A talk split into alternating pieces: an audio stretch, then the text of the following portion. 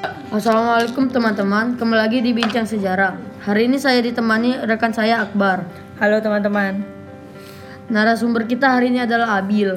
langsung perkenalkan saja ya. Halo Abil. Halo teman-teman. Abil, kita mau tanya nih. Abil, apa sih faktor Indonesia dita- didatangi oleh bangsa lain?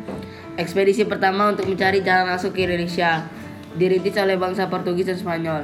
Yang yang memengaruhinya adalah jatuhnya Konstantinopel pada tahun 1453. Situasi ini mendorong orang-orang Eropa menja- menjajahi jalur pelayaran ke wilayah yang banyak memiliki bara rempah, termasuk Kepulauan Nusantara, Indonesia. Oh itu.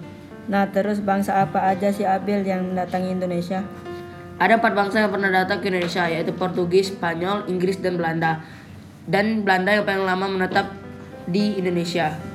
Nah, Abil, ceritain dong gimana semangat para pemuda di Indonesia sampai akhirnya Indonesia bisa bangkit. Awalnya lahirlah organisasi bernama Budi Utomo pada tanggal 20 Mei 1908. Oh jadi gitu ya Abil. Terima kasih untuk Abil yang sudah berse- bersedia jadi narasumber kita.